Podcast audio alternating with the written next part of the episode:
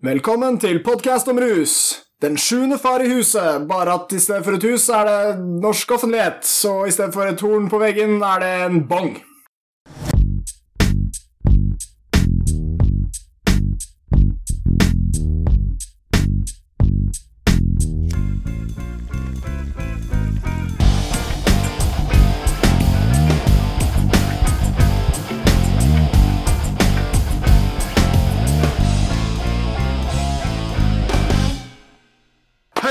Are ya? Og velkommen til podkast om rus, mine damer og herrer. Jeg er Bøffert Fusk. Jeg er Per Stole Honning. Nå er det jaggu vårstemning her i vårt lille studio, altså. Ja, og det er så vårstemning at jeg må fortsette å minne lytteren på at jeg kan høre oss på iTunes, høre oss på SoundCloud, og eh, du kan høre oss i eh, Mina Gerhardsens mareritt. Hvis hun bare brydde seg. Det kan hende du gjør, vi vet ikke. Eh, hvem vet noe om andres mareritt? Vi bare ønsker vi er der. Ja. Håper å være der. Så lenge noen tenker på oss. Ja, uff, deilig. Herlig. Det er, eh, det er som man blir yr, rett og slett. Det er mye som skjer. Vi er nødt til å snakke om politikk igjen, fordi eh, det går unna om dagen. Vi, vi har på en måte gått litt tomme for de litt eh, kulere og råere street-greiene med misbruk og bruk og myte og heroin og dark web og sånn, så nå er vi litt eh, over i den litt traurige delen av uh, podkastens liv, som handler om at vi er nødt til å snakke om hva kjedelige folk gjør når de er kjedelige og skal ta stilling til ting. Yes, vi brant jo alt kruttet vårt eh, helt i starten, der vi var minst erfarne og høres helt duste ut, plagsomme å høre på. og Da brukte vi de fette temaene. Ja, men Da må vi bare bruke George Lucas-teknikken. det å å gå tilbake igjen og fikse på de, gjøre sånne special editions. med Ja. Mer eh, dinosaurer. Og, Episode tre uh, revamped, Ja. på en måte. Ja, ja, det kan vi gjøre. Bare, bare si nesten det samme. Ja, bare med mer blipp-blopp-lyder og Ja. Til rasistiske tegnefilmfigurer. Til glede for nye lyttere, og til stor forargelse For for gamle. nettopp. Det er sånn vi gjør det. Ah, tenk om vi bare hadde tjent penger. Da hadde jeg gjort det. Mm. Da hadde jeg absolutt gått den stilen der. Vi skal snakke om uh, ruspolitikk. Vi er jo så heldige at det er ting som skjer i uh, den aktuelle verden, så vår aktuelle spalte blir nok en gang uh, litt eh, flytende, fordi det er så mye aktuelt. Men det blir litt konkret i introen, og så får vi heller eh, ta en litt klart brudd når vi går over på hoveddelen. Det, det stemmer, altså. Vi, vi har en viss overlapp, men eh, aktuelt spalte i dag vies til en person. Og først Aktuelt!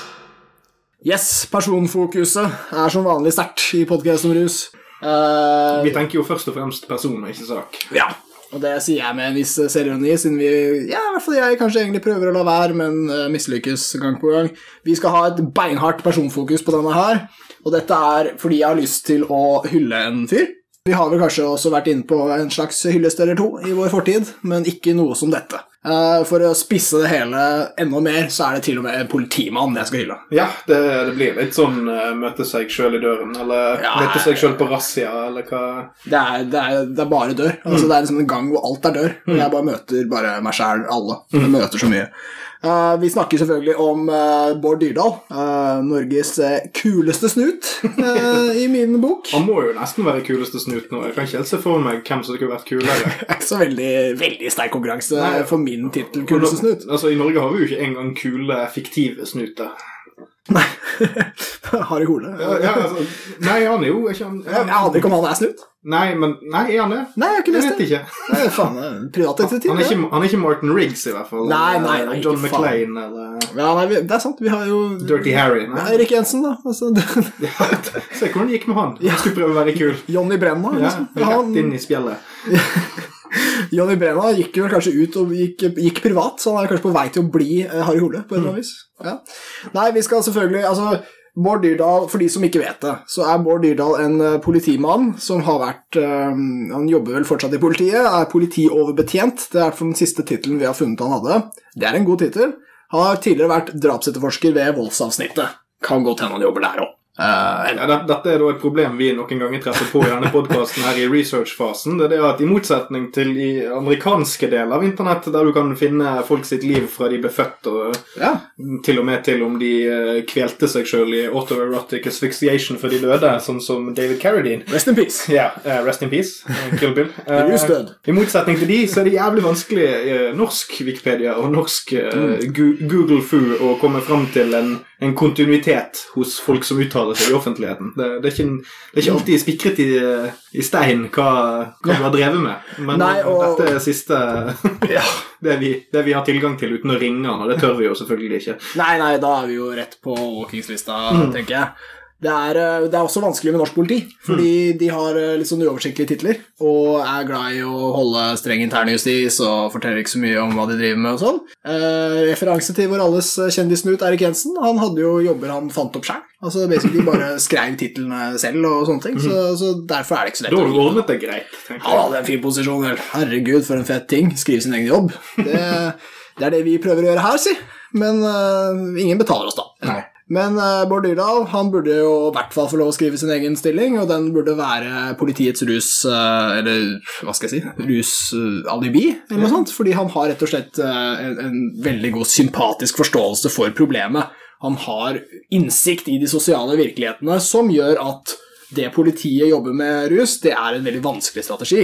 Men det er innser han, og det sier han høyt. Men det er jo sikkert en del folk i politiet som vil se på han som en slags trojansk rushest. Fordi her er det jo en kar eh, For de som har tilgang på det, så var det jo eh, Når dette spilles inn en ukes tid siden, så var det jo eh, en Morgenbladet-artikkel som intervjuet Bård Dyrdal. Der han gikk gjennom hvordan det var å være pro L-ordet Ja, i politiet. Altså han- Yes. Han er rett og slett for legalisering av milde, mildere russtoffer, som jeg forstår som er i hvert fall cannabis og kanskje jo MDMA. Jo, jeg tror jeg, også I hvert fall var det han nevnte spesifikt. og, Ja, han gjorde det, ok. Kanskje psykedelika, vi er ikke helt sikre. Mm.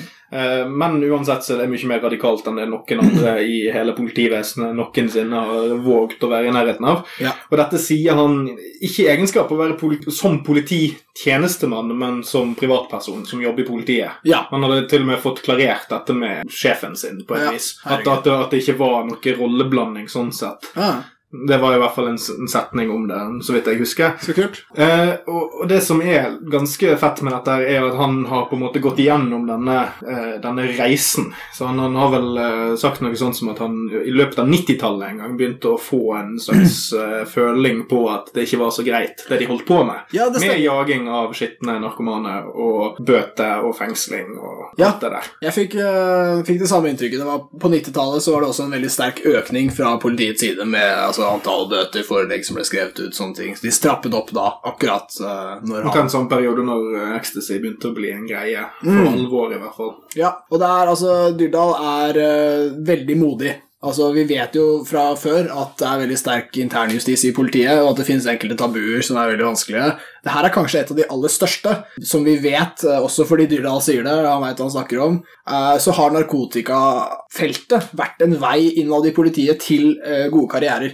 Så de lett fort kan uh, rykke opp i gradene. Og det Ja. å da påpeke at arbeidet de gjør, kanskje ikke er verdens viktigste, vil jo da alltid være en Judas eller type illojal handling, da. Ja, fordi det, det nevnes òg i den artikkelen, og av han sjøl og noen andre. Jeg lurer på kanskje Willy Pedersen er inne på noen ting der òg. Mm. I hvert fall det, er sånn generelt så er det det at vold og narkotika er på en måte de barskeste stillingene innenfor en ganske barsk yrkesgruppe. Ja. Så når du er sånn tøff ute, uteseksjon-kar som går og buster en fyr, så er det veldig sånn håndgripelig hva det er du har brakt til torgs når du skal liksom ja. eh, ta ut tiltale og sånn. Ja, altså. Han hadde så og så mye på seg, dødt, dødt, dødt, ferdig pakke. Mm. Nå rett til eh, domstolen med deg. sant? Ikke noe wishy-washy, og du trenger ikke bruke så mye tid på det. Mm. Og det kan jo òg være med på å ha en sånn eh, intern effektivitetsmølle som går på med at man skal ha resultater, man skal ha de fort. Det skal ikke være noe sånn dilling rundt og noe sånn.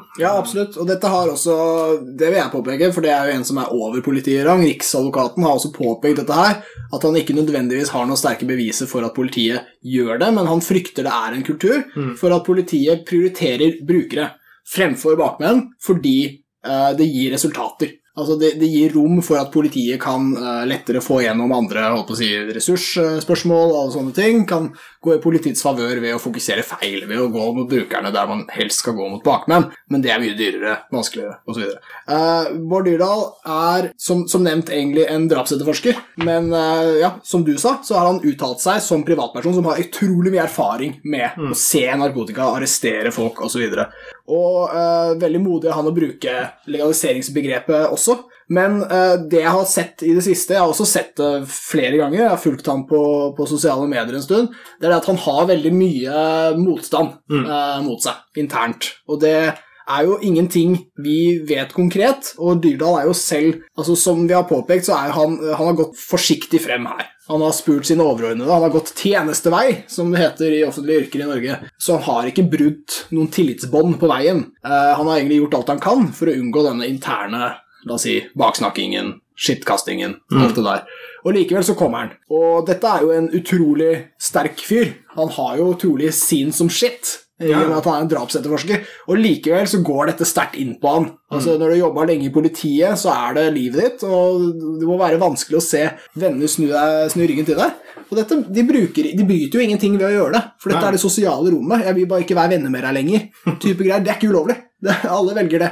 Men det er jævlig kjipt, altså. At det fins så sterke tabuer. I, særlig når den politiske prosessen allerede er på vei.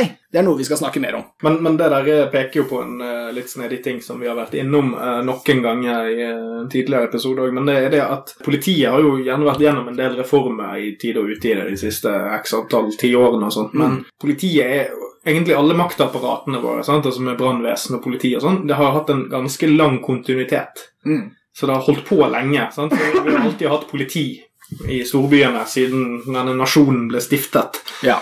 Uh, og det er en ganske ubrutt linje. Ja. Selv om du innfører reformer, så sitter det fremdeles maktpersoner med sine egne oppfatninger om ting i systemet flere tiår etter at eh, reformene blir innført. Så du kan, Ja, ja. negative ting kan på en måte forplante seg gjennom flere generasjoner. Det er sant. Og akkurat på, på dette her syns jeg eh, at, at Dyrdal blir utsatt for, eh, for sosial utfrysning og sånn, Mm. synes jeg er et tegn på at politiet aldri egentlig har gjennomgått en reform på sjølrefleksjon. Eller en slags sånn her yrkesetisk reform. Mm. Fordi de er ganske flinke på å si sånn Ja, ja, men vi er for dere, og vi, ja, vi har omsorg og alt mulig sånn. sant? Så de har jo blitt mykere enn det de var for 30 år siden. det er ikke det. Mm. Men de har ikke kvittet seg helt med den her eh, interne 'vi vet best' fordi at det er vi som er på gaten og ser hvordan det egentlig er. Tendensen. De har ikke fått en, eh, en, en, opp, en oppkvikker på at kanskje du ikke nødvendigvis ser sannheten hele Absolutt, tiden. Du ja. ser et aspekt Ja. av virkeligheten, og ikke hele bildet. Et ypperlig poeng, for det, det, det spiller inn på noe vi skal komme mer tilbake til senere, nemlig at i det politiske også, så har vi eh, Vi er liksom på etterskudd med debatter. Og vi blir liksom tatt på senga, og da blir frontene veldig steile. Eh, så det er jo lett å si nå i ettertid at dette er en, en, noe som politiet internt burde ha satt i gang med for lenge siden. Mm. Eh, vi er veldig sånn på etterskudd. Men eh, det jeg vet, er at det fins andre politifolk som mener det Dyrdal gjør. Det har de trolig gjort lenge. Og i Norge så har vi jo masse presedens på det. Vi har Straffelovskommisjonen i 2002 som ville legalisere bruk fordi det ikke passet med mandatet i straffeloven osv. Så, videre. Eh, så Så det er jo folk også innad i politiet som på mange måter har sagt fra da, om at denne praksisen kanskje ikke er uh, nyttig eller virksom i stor nok grad. Men det jeg ville oppfordre til Nå vet ikke jeg om det er noen politifolk som hører på vår podkast, og i så fall er jeg jo livredd allerede. Men det er i så fall på tide å steppe opp sånn at Dyrdal ikke er den eneste. Eh, Han går først, han er pioner. Det er et tøft arbeid å være først, men han kan godt få litt støtte nå. Nå har han banet vei, det er på tide å følge etter. Uh, og, og jeg vet at om det så er politifolk som hører på denne podkasten her, så vil ikke det hjelpe hans interne rykte at det sitter en jævla ruspodkastmann og babler og sier han er jævla fet. Ja, Halla, Bård. Jeg hørte narkopodkast i går. De skrøt av deg. Narko-Bård. Men dette poenget står, selv om det er jeg som sier det. Nå har han åpnet en dør for andre politifolk. Jeg vet de finnes. Støtt Bård Dyrdal, for faen i helvete. Han er veldig dyktig med språk. Han har ikke tatt til orde for noe uredelig. Han har ikke tatt til orde for noe ekstremt. Han har snakket veldig saklig om en konkret praksis som ikke er verdt penga.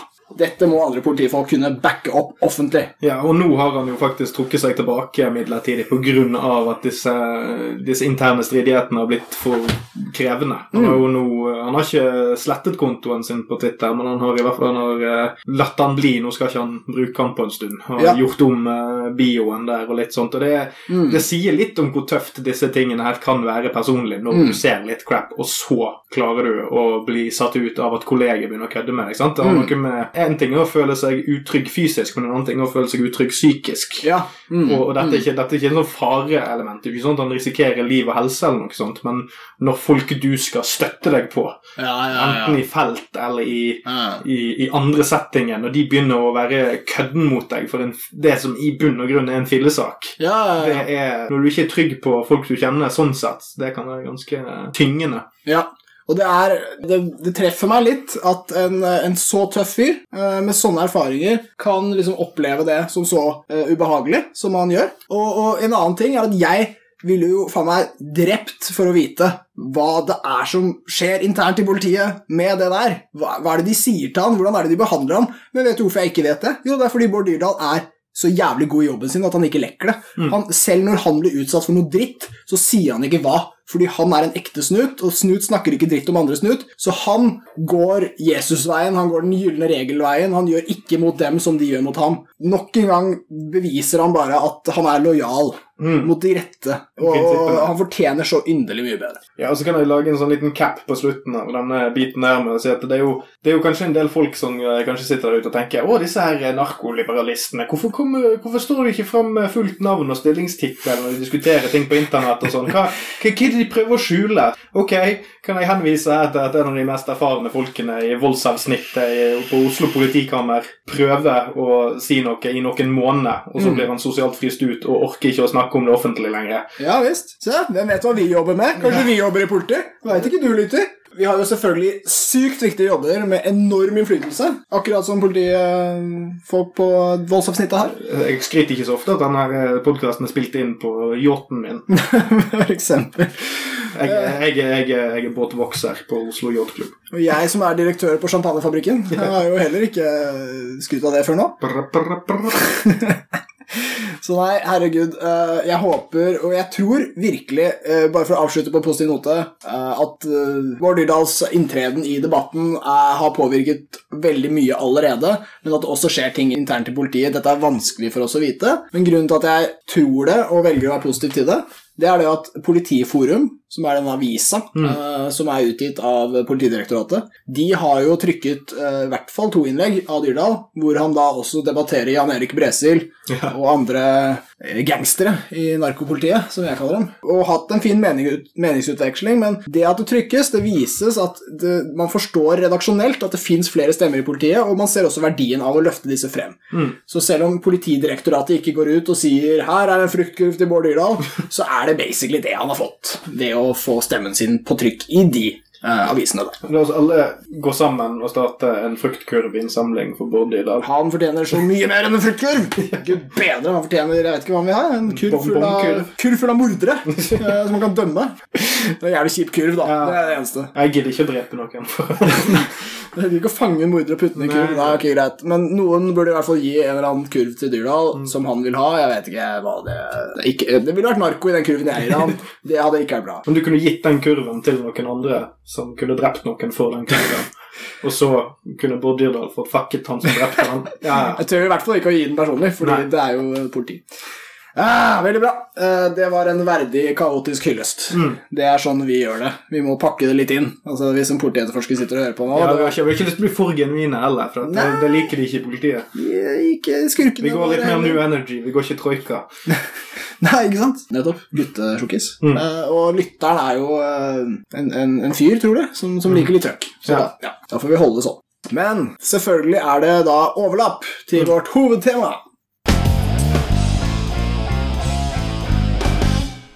Og det er selvfølgelig i ånden til Dyrdal og andre friske aktører i denne ruspolitiske jumbalayaen av en samtid. Eh, Det er en suppe, er det ikke? Ja, samme. Det er veldig mye som skjer i norsk politikk. Eh, Der er også Dyrdal selvfølgelig en aktør som debattant. Men der var det en smug Segway. Håper alle hørte det. Det er eh, ruspolitisk vårstemning som er hovedtemaet vårt i dag. Mm. Eh, Jeg kan i hvert fall bare ta kjapt det som eh, jeg bruker som en inngangsport til hele den diskusjonen. Ja. For det knytter seg litt inn til eh, Bård Dyrdal, og det var annet noe Dyrdal svarte til på Politiforum, som var mot uh, Jan Erik Bresil, som da er leder for Oslo Narkotikapolitiforening. Det stemmer. Jeg, jeg klarer aldri å finne ut hvem som er leder. der. Det er som sagt en, en litt sånn løs, eh, løs forsamling. Men eh, i et av de innleggene til Bresil så begynte han plutselig å snakke veldig varmt om en Portugal-modell som han egentlig aldri har snakket varmt Ja. om før. Eh, og i det innlegget så driver, som Dyrdal egentlig på masterful way, kutter ut all bullshiten i, fordi Mm. han vet hvordan politifolk snakker. Ja. Eh, Bresil sitter der i hvert fall og snakker veldig varmt om hvordan, hvordan Portugal-modellen gir oss så mange kontrollmuligheter. Så mange måter vi kan gripe inn Ja. og ta folk og putte de i register og sørge for at de ikke blir bussjåfører eller jobber i barnehage eller har kontakt med unge eller snakker om unge. Vet at unger fins. Ja, skal, ja, kan, Eh, ja. vi kan lobotomere de. ja, altså, vi karikerer nå, men helt ærlig, det er litt det jeg hører. Ja. Når han uh, tar til orde for kontrollmekanismene Ja, som nå- forbudet gir mulighet til. Og da jeg leste dette, så jeg, jeg har vært inne på tanken noen ganger, og, og i dette programmet her, Eh, men det, det slo meg ikke hardt før, før jeg leste det innlegget. Der sånn, Oi! oi, vi, nå, nå har vi begynt å bevege oss så langt inn i, i, i en ny, et nytt debattklima at folk har lyst til å ta eierskap Mm, til de gamle forslagene. mm. Nå har vi snakket om Portugal i ti år. Og Ja. Nå begynner det å bli akseptert som et godt argument. Ja. Så da hiver alle parter seg på for å prøve å fortolke Portugal til en norsk kontekst. ja, det skal jeg love deg. Og det blir stygt når Norsk Narkotikapolitiforening, som er en gjeng med bikkjer som er ute etter katter, har lyst til å begynne å bestemme kattepolitikken. Ja. Det, du må aldri glemme hvem som snakker, og hvorfor de snakker i denne debatten. Og det var en ganske stor vekker for meg. i hvert fall. Det er ikke bare å legge seg på ryggen og ta imot nå, folkens. Det er nå, det er nå diskusjonen virkelig begynner. Ja, åh, som jeg liker denne hunder som snakker om katter Altså, NMPF er veldig jegere, ikke sant? De jakter, rett og slett. Så det her er jo en kronikk eh, fra NMPF om Portugal-modellen. Det er jo bare en, en hund med skarpe tenner som sier vi har alltid likt katter. Ja. Vi har alltid vært veldig glad i katter. Noen av mine beste venner er katter. Ja, det er ikke det at jeg hater katt. Nei, det er bare når de oppfører seg som katter. Det er bare det at eh, det er min plikt å finne dem. Når de går på hagegjerdene og, og, og fanger mus. Det er det jeg ikke liker. Men når de, er, når de ligger i sofaen og sover, det går greit. Ja, men det er den tiden vi er i som er litt sånn eh, Det er egentlig en negativ side ved en positiv prosess. Mm. Fordi nå endrer rus det politiske Altså, normen endrer seg. Hvordan man snakker om rus, hva som er vanlig å si, endrer seg. Og det skjer ganske brått. Det burde skjedd for lengst, holdt på å si. Men ingen vet egentlig hva de vil ha. Hvis vi ser på norske partier, sånne ting, så vet vi at vi vil endre ruspolitikken. Men det er veldig vanskelig å si til hva da? uh, og, og fordi, fordi den diskusjonen burde vi hatt for lenge siden, og så har vi ikke hatt den. Men da er Portugal er liksom nøkkelbegrep. Så nå sitter vi da og diskuterer hva det egentlig er som skjer i Portugal. Og da kommer politiet og sier at å, egentlig er det veldig strengt i Portugal. Og det sier også liksom Aktis og alle disse andre som elsker strenghet. De vil gjerne trekke frem de elementene. Egentlig er jo dette rottene som forlater det synkende forbudsskipet. Er det er.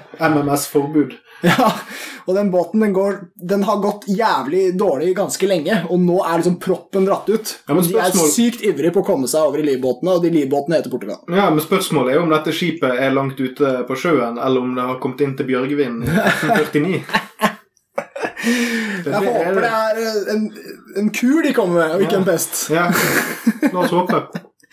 Ah, det er en veldig god metafor i dag. Men ja, vi har jo til og med for ikke så lenge siden nå, så var det Dagsnytt 18-sending hvor uh, politiske partier var representert. Det er jo da Høyre, SV og det var vel også noen flere. Ja, i hvert fall uh, Mina Gerhardsen var der og ble spurt om altså, har dere tapt, dere i Aktis. Og de er å nei, nei, fordi vi eh, hun, Våre hunder elsker katter, og det er det vi alltid Hva hva var det de kalte han der fyren der pressesekretæren til Saddam Hussein i 2003? Komisk. Komisk Ali. Ja. Ah, det var veldig sånn. Det var det. Ja, vi- har sett forbudet komme Ja. falle lenge, vi.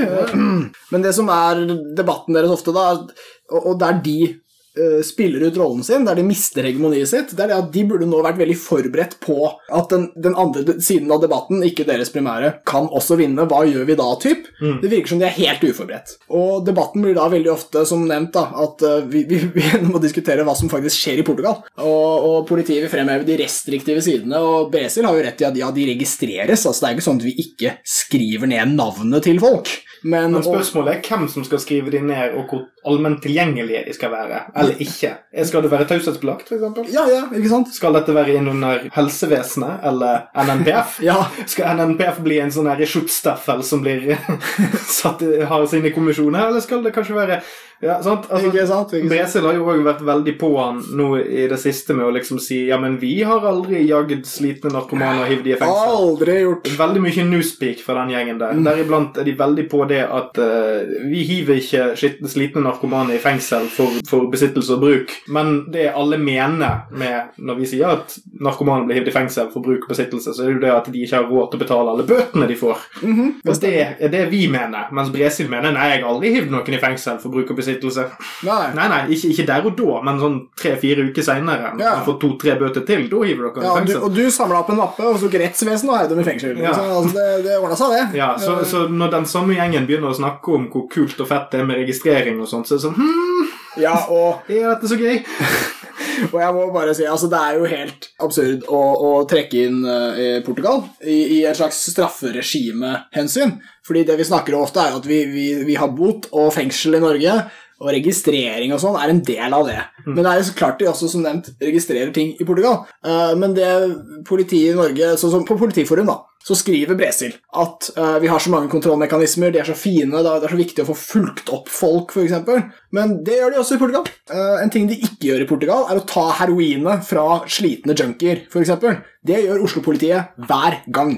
De har ingen mulighet, takket være straffeprosessloven, som handler om hva de må gjøre når de ser eller snakker med påtreffer skurker, som narkomane er. Så må de ta heroinet fra dem. Det er ikke sikkert de er sinte på dem, slenger noe dritt, putter de på cella. Det har også å gjøre med ressurshensyn fra politiets side, men heroinet må de ta fra dem.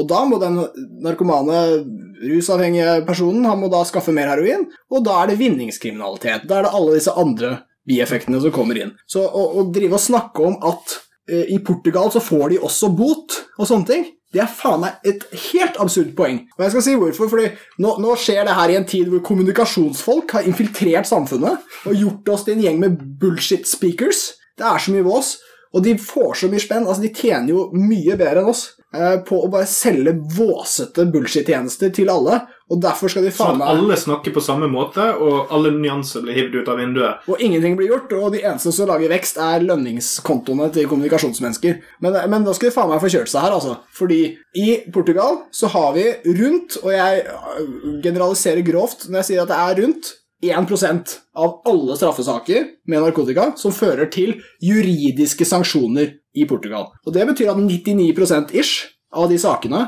de løses med administrative sanksjoner.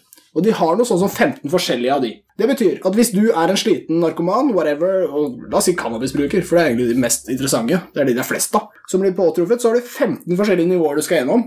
Og hvis ingen av de klaffer, treffer, du møter ikke opp, tar ikke telefonen, da blir du sendt videre til den juridiske delen, hvor du kan få bot.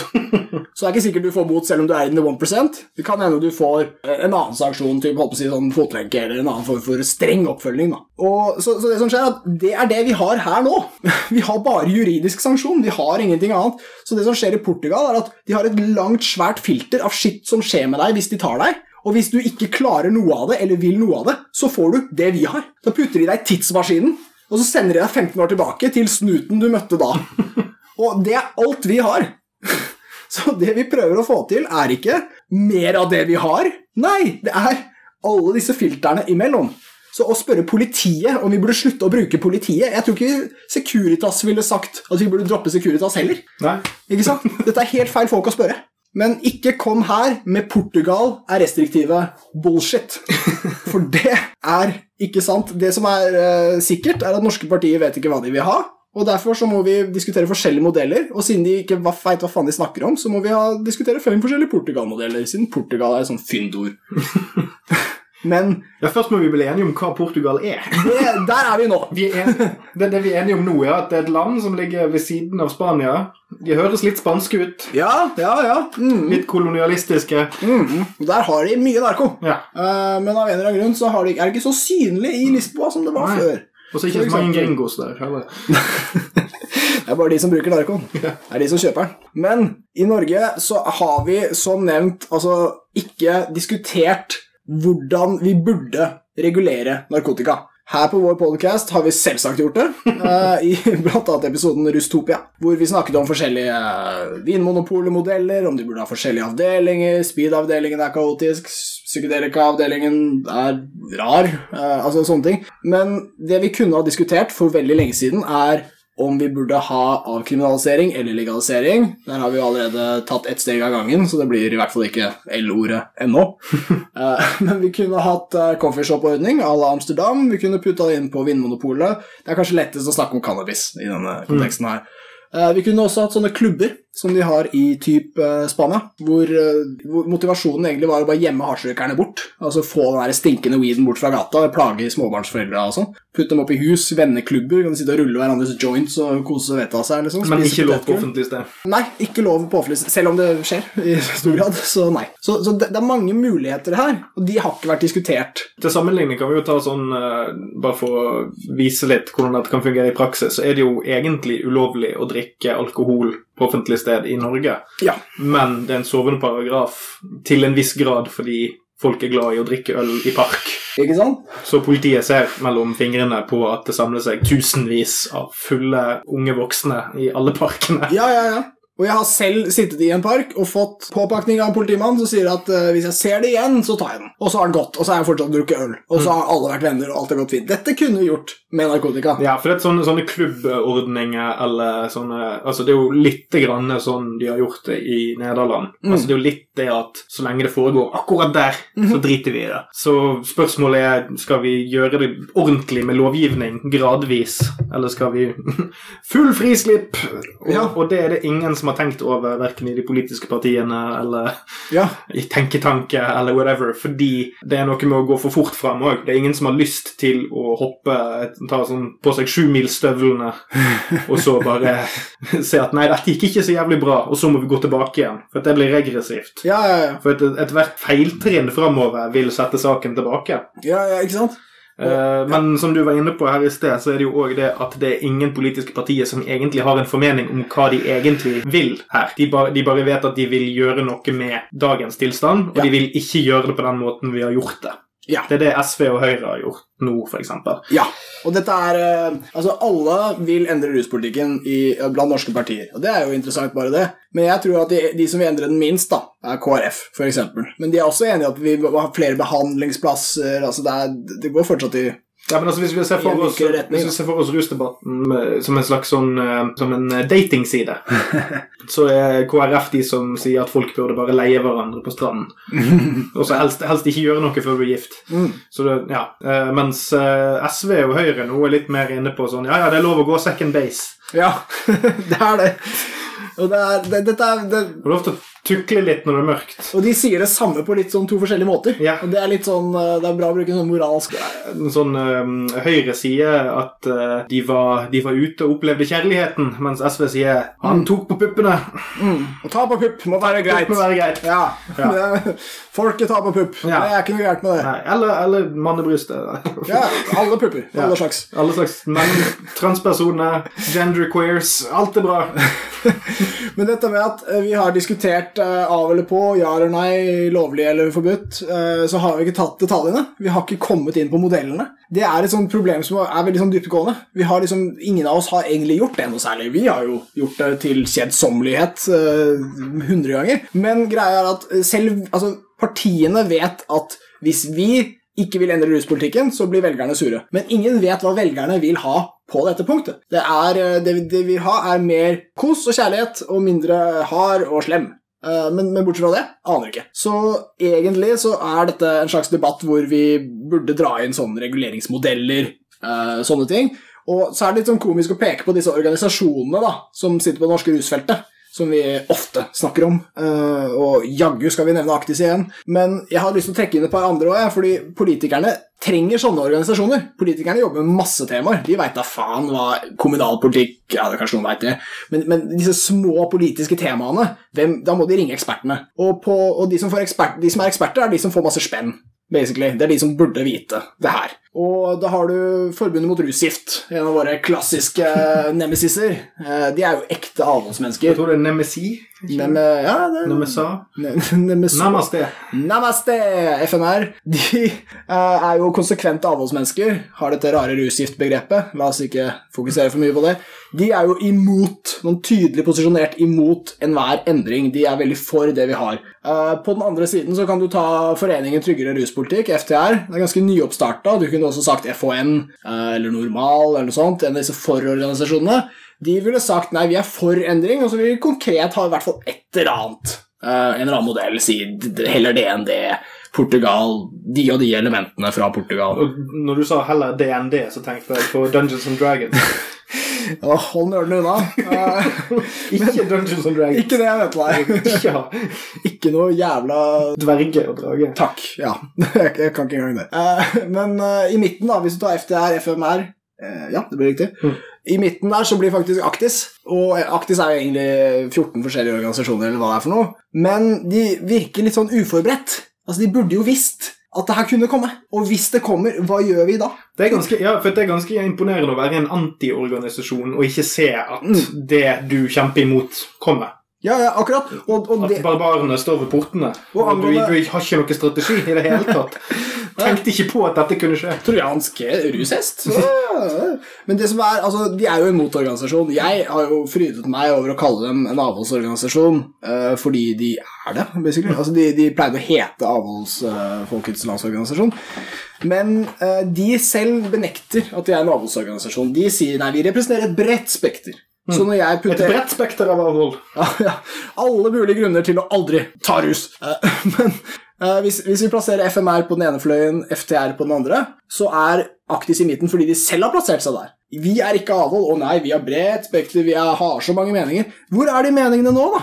Når Mina Gerhardsen satt på Dagsnytt 18, så hadde hun faen ikke en dritt å by på. Hun sa bare ja, nå skal vi ikke være like strenge som før, men vi er veldig redd Hva var det hun sa? Nå siterer jeg. Redd for at ungdom vil si nei til hjelpen de trenger. Og her er det frivillighet hun tar til orde mot. Mm. Og hva er det hun tar til orde for da? Det er tvang, det. Ja, fordi veldig ofte i uh, disse settingene her, og det er spesielt når vi bare får trekke det litt tilbake til det Bresil uh, dro ut av Portugal-modellen. Ja, ja, for det er veldig likt. Ja, for det, det, er, det er et utgangspunkt som sier at folk har et problem, og de innser det ikke. Mm. Men det man ser veldig ofte i rusomsorgen, og sånt nå, er at du kan ikke hjelpe folk før de vil bli hjulpet. Ja. Altså det, det er derfor du ser så mange familier som blir revet i fillebiter av narkomane familiemedlemmer. Fordi at det er sånn du har så lyst til å hjelpe, men du kan ikke. Fordi det er en endring som bare den personen som er avhengig, kan gjøre sjøl. Mm. Uh, og, og derfor må kone forlate menn, og foreldre kutte av ungene sine. Altså? For det, det suger så mye liv ut av deg. til slutt. Mm. Ja. Og den eneste måten å hjelpe er å sørge for at den personen får hjelp. Mm. Men tvang gjør folk tverre. ja. Uh, Tvang funker faen ikke for å løse problemet. Det fun- det fun- det funker hvis en fyr er dritings eller fjern midt i en eh, motorvei. Sant? Og fungerer med litt tvang av politiet. Ja, er det bra. Sant? Du er en fare for deg sjøl og omgivelsene dine. Det er greit. Ja. Sperr de inne over x antall timer eller hva enn, bare fordi at det er for trygghet. Men lengre enn det, Mm. altså lengre enn det umiddelbare, Mm. da, må, da er det omsorg som må inn der. Ja, ja hvis vi få- vil nå målet, som Mm. da forhåpentligvis er på en måte mindre rus, i hvert fall mindre problemer knytta til rus. Men eh, jeg er veldig glad i Det er bra du drar inn det, for jeg er også veldig glad i tvang på veldig mange områder. Mm. Politiets voldsmonopol, yes please. Jeg betaler skatt med glede, slipper å slåss, la politiet ta det for meg. Jeg, jeg orker ikke sånn voldsgreier. Jeg vil ikke lære meg å slåss. Det det er masse arbeid. Og det er skummelt. og det er sånn, jeg Kan vi ikke bare heller ringe de? Men, men Skal ikke vi heller bare ha en, en rap battle? Ja, men jeg vil ikke jeg, må, jeg har ikke lyst til å ringe dem fordi junkien eh, lukter vondt. Jeg har lyst til å ringe dem fordi junkien truer meg. Mm.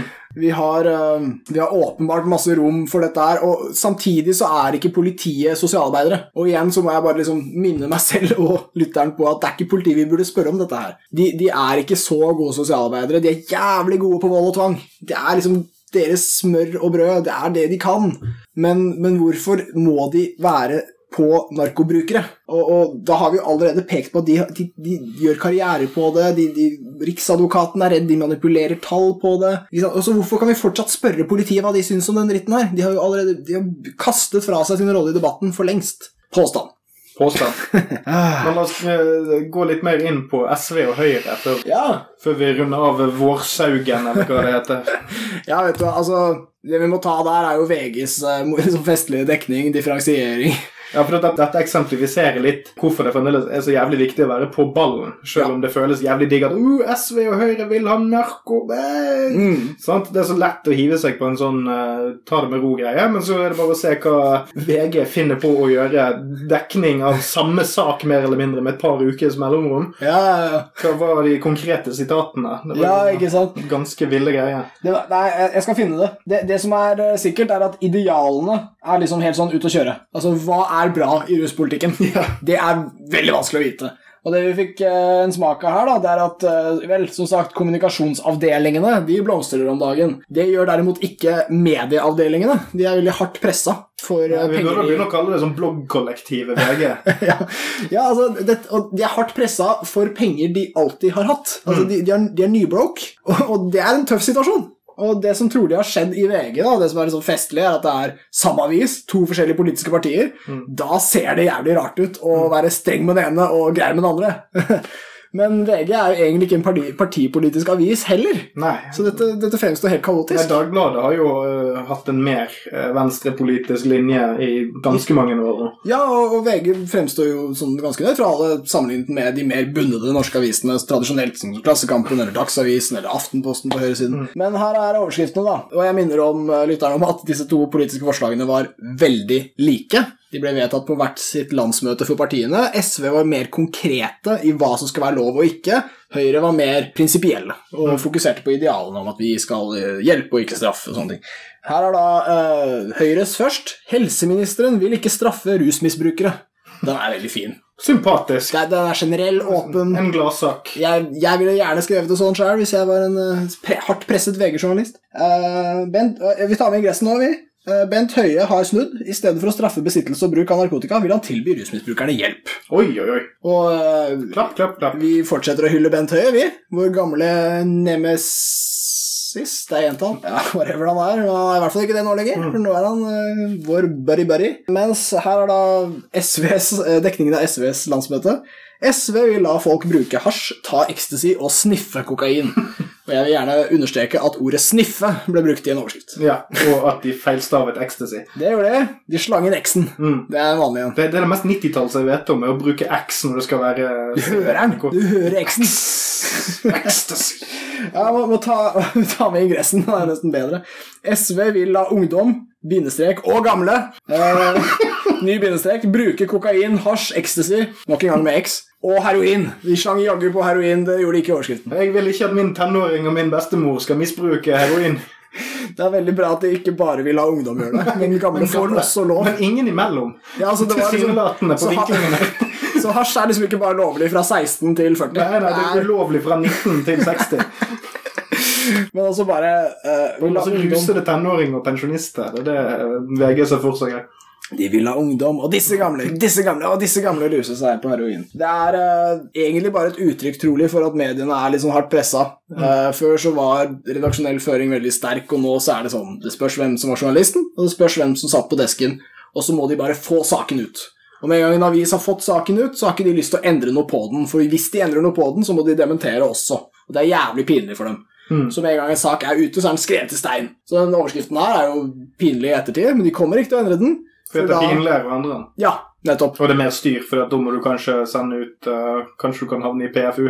Ja, ja, og få, få den vanlige smekken der. Men, men dette er et flott bilde på at media er jævlig viktig. Altså Med en gang de putter ut en sak, så er den der ute. Men samtidig så er de mad pressa, så de må bare få den ut. Blæ, få den ut. Og, og resultatet blir det her. Det fremstår som om VG elsker Høyre og hater SV. Og det var jo ikke VGs intensjon, trolig. Men uh, jaggu, sånn ble det. Ja, og, jo, altså, og det viser jo litt sånn Eller, eller det kan jo òg potensielt vise litt grann hvordan det å være konkret i denne diskusjonen kan være en, Ja. en, en ulempe. Mm. På grunn av at folk da tar de tingene du sier, om ikke ut av kontekst, så i hvert fall blåser du det opp i feite typer, så ser det mye verre ut enn hvis du leser det. Ja, ja, Jeg skal være på at resten av artikkelen ikke er så kjip som overskriften og ingressen ja. tyder. Jeg vil tippe at de gjengir hva de mener og sier i artikkelen, Mm. til en viss grad. Men, men det, er, det er noe med så upløyd mark som dette her, og så gå ut som et stort politisk parti og si jeg vil at det ikke skal være straffbart for en person å være ruset på dette stoffet. Mm. Fordi når du skal koke det ned til en feit headliner, så er ikke det mye kult.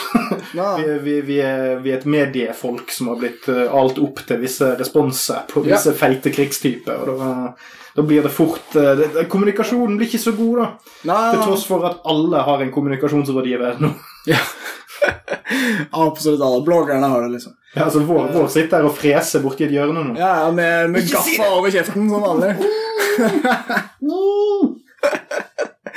Du får betalt, slapp av. Um, men, men det som er at vi burde hatt flere ideer på bordet. Uh, og siden uh, norsk offentlighet ikke hører nok på podkasten om rus, noe som er et vanlig problem vi alle kjenner til, uh, så er det lett å peke på at det er mange som burde vært som sagt, bedre forberedt. Men det er også en del spørsmål som må besvares, og de spørsmålene kommer vi trolig til å bruke jævlig lang tid på nå, siden vi ikke var forberedt på dem. Og det suger, for junker dauer. Så vi burde ikke bruke mye tid på det. Vi burde vært klare. Ja, og, og det som er litt eh, tricky med det du nevner nå, er jo det at siden vi ikke er helt klare, så betyr det at nå, er folk, nå har folk begynt å åpne for reform. Ja. Og man har ikke satt ned hva man vil med reform. Så Mm. da kan det fort hende at vi pu- putter inn en eller annen ting som er en halvveis løsning. Ja, At vi ikke går langt nok. Mm. Eller at vi ikke gjør nok akkurat nå. Og så bruker vi mange år på å bare tulle til med masse sånne småjusteringer. Mm. Som f.eks. en slags avkriminalisering, men ikke legalisering. Og så, så har, vi, har vi det gående i ti år til fordi vi skal teste ut noe. Og så er det noen som på høyresiden eller venstresiden som vil si å, vi har feilet, vi burde gå tilbake. Ja, ikke sant. Og Det så kan kan. Frp stå på siden og rope 'vi må være tøffere mot kriminalitet'. Mm. Sånn, Så det, det er en eh, Ja, ja. himla sirkus. Men hvis, hvis de vil ha noe som virker ut fra målet, og da vet jeg ikke om det er noe velgerne vil ha, så det kan hende du mister karrieren din, kjære politiker, men da må straff vekk, og da må også tvang vekk. Straff og tvang de henger eh, sammen i dette tilfellet, og, og det går bare ikke an. Men jeg må bare, bare putte et par ting på liksom banen her. Eh, hva er det Aktis burde ha visst nå? Eller liksom kunne gitt oss råd på? Og da sier Aktis, men jeg sier også FMR, sier også FTR. Altså, hvordan burde Norge eh, regulere rusmidler? Og da er det snakk om modeller, uh, vinmonopol, alle disse tingene vi har vært inne på før. Men da, med en gang du da kommer til nivå to av det, så er det sånn, er noen rusmidler bedre enn andre? Eh, og svaret er så inn i helvete ja.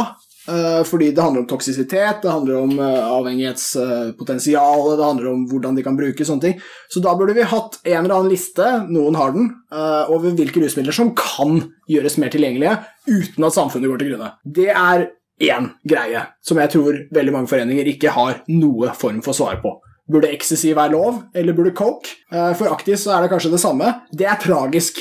For MDMA er en mye bedre kandidat for legalisering enn kokain er. Og uh, For å ta det òg, da. Når vi kommer til nivå to, uh, eller tre av disse spørsmålene, så er det sånn hva, hva gjør vi med kokain og amfetamin? Hvordan får vi folk til å bruke det riktig, mindre forsvarlig, alt det her? Vel, eh, kanskje vi da burde f.eks. trekke fram andre substanser som kan konkurrere med Mm. kokain. Fortelle folk at hvis du tar jeg vet Gi en lignende eufori, men uten, ja. uh, uten at det skrumper inn hjernen din med Ja, for eh, kanskje- lang bruk. Kanskje hvis disse kokainbrukerne tok ketamin 40% av tiden, så hadde alle unngått å få slag når de var 50. Da er det en reell mulighet som bør vurderes. Altså, dette er ting ingen har turt å tenke på forbudstiden. Og nå er liksom i en tid hvor politikerne spør om det, og de har, det virker som de fortsatt ikke har tenkt på det. Fortsatt ikke vil tenke på det. De er veldig flinke til å understreke problemene og farene ved å endre politikken. Men det er jo ikke en kjeft som har et forslag til hva vi burde gjøre. Bortsett fra kanskje Foreningen Trygge ruspolitikk, FON, for foreningene. Men for-foreningene er de blakkeste på rusfeltet. Det er de som får minst støtte. Så hvordan i helvete kan folk få mange millioner i statsstøtte, og så bare spør politikerne hva gjør vi nå? Vi skal endre det. Landsmøtet har vært, vi har det i programmet. Nei, da faen, jeg. Burde bare gå tilbake igjen. Hæ? Hva er det dette du betaler dere for? En, en god start ville være å begynne å omfordele budsjettet til eh, rusorganisasjonene. Ja, Fordi det har kommet litt for mange forforeninger på banen siden Aktis sin storhetstid. Ja, det, det er litt kaos om dagen. Så yes, nok en gang så vet podcast om rus mer om rus enn de som får masse penger for å snakke om rus. Eh, men ja, vi må vel snart nærme oss en oppsummering her, tror jeg. Men før vi går helt på avrusning, skjønner du, okay. så skal jeg bare si en ting. Jeg gratulerer med dagen. Eh, Dette er jo, om ikke jeg husker helt feil, så er dette det nærmeste vi kommer til treårsjubileum. Oi! For om ikke jeg husker helt feil, så var første episode av podkasten lagt ut i mars 2014. Så jubileum. Oi. Skål for den. Ja, skål. Skål, kjære lytter. Vi er, vi er tre, som alle vet, den lovlige drikkealderen. ah, fuck yeah, man. Det var tre år, men vi klarte nesten å få ut 30 episoder på tre år. Da, jeg bare sier det. Når podcast om rus ble starta, da var det ingen norske partier som hadde Jo, det var noen helvete. Det var veldig få norske partier som hadde programfesta at de ville endre ruspolitikken. Just saying. Just saying. Og de eneste som hadde det, var hippiene. Så det er jo Ja, Miljøpartiet De Grønne. de var tidlig ute. De er liksom bitre over det at ingen husker det i dag, så vi får med det. Vi gjør det. Ja, altså sånn Snart så vil de vel hete Miljøpartiet De Brune. Nydelig. Men jo, vi rapper opp dritten. Det er altså ruspolitisk vårstemning her i byen. Alle er litt småkåte, særlig de som liker rus. Eh, Og de som ikke liker det, men har lyst til å være veldig prinsipielle. mm, kåte på prinsipper. Mm. Det er ikke verst, dere. Vi har vært De som liker å gå til third base på prinsipielt grunnlag.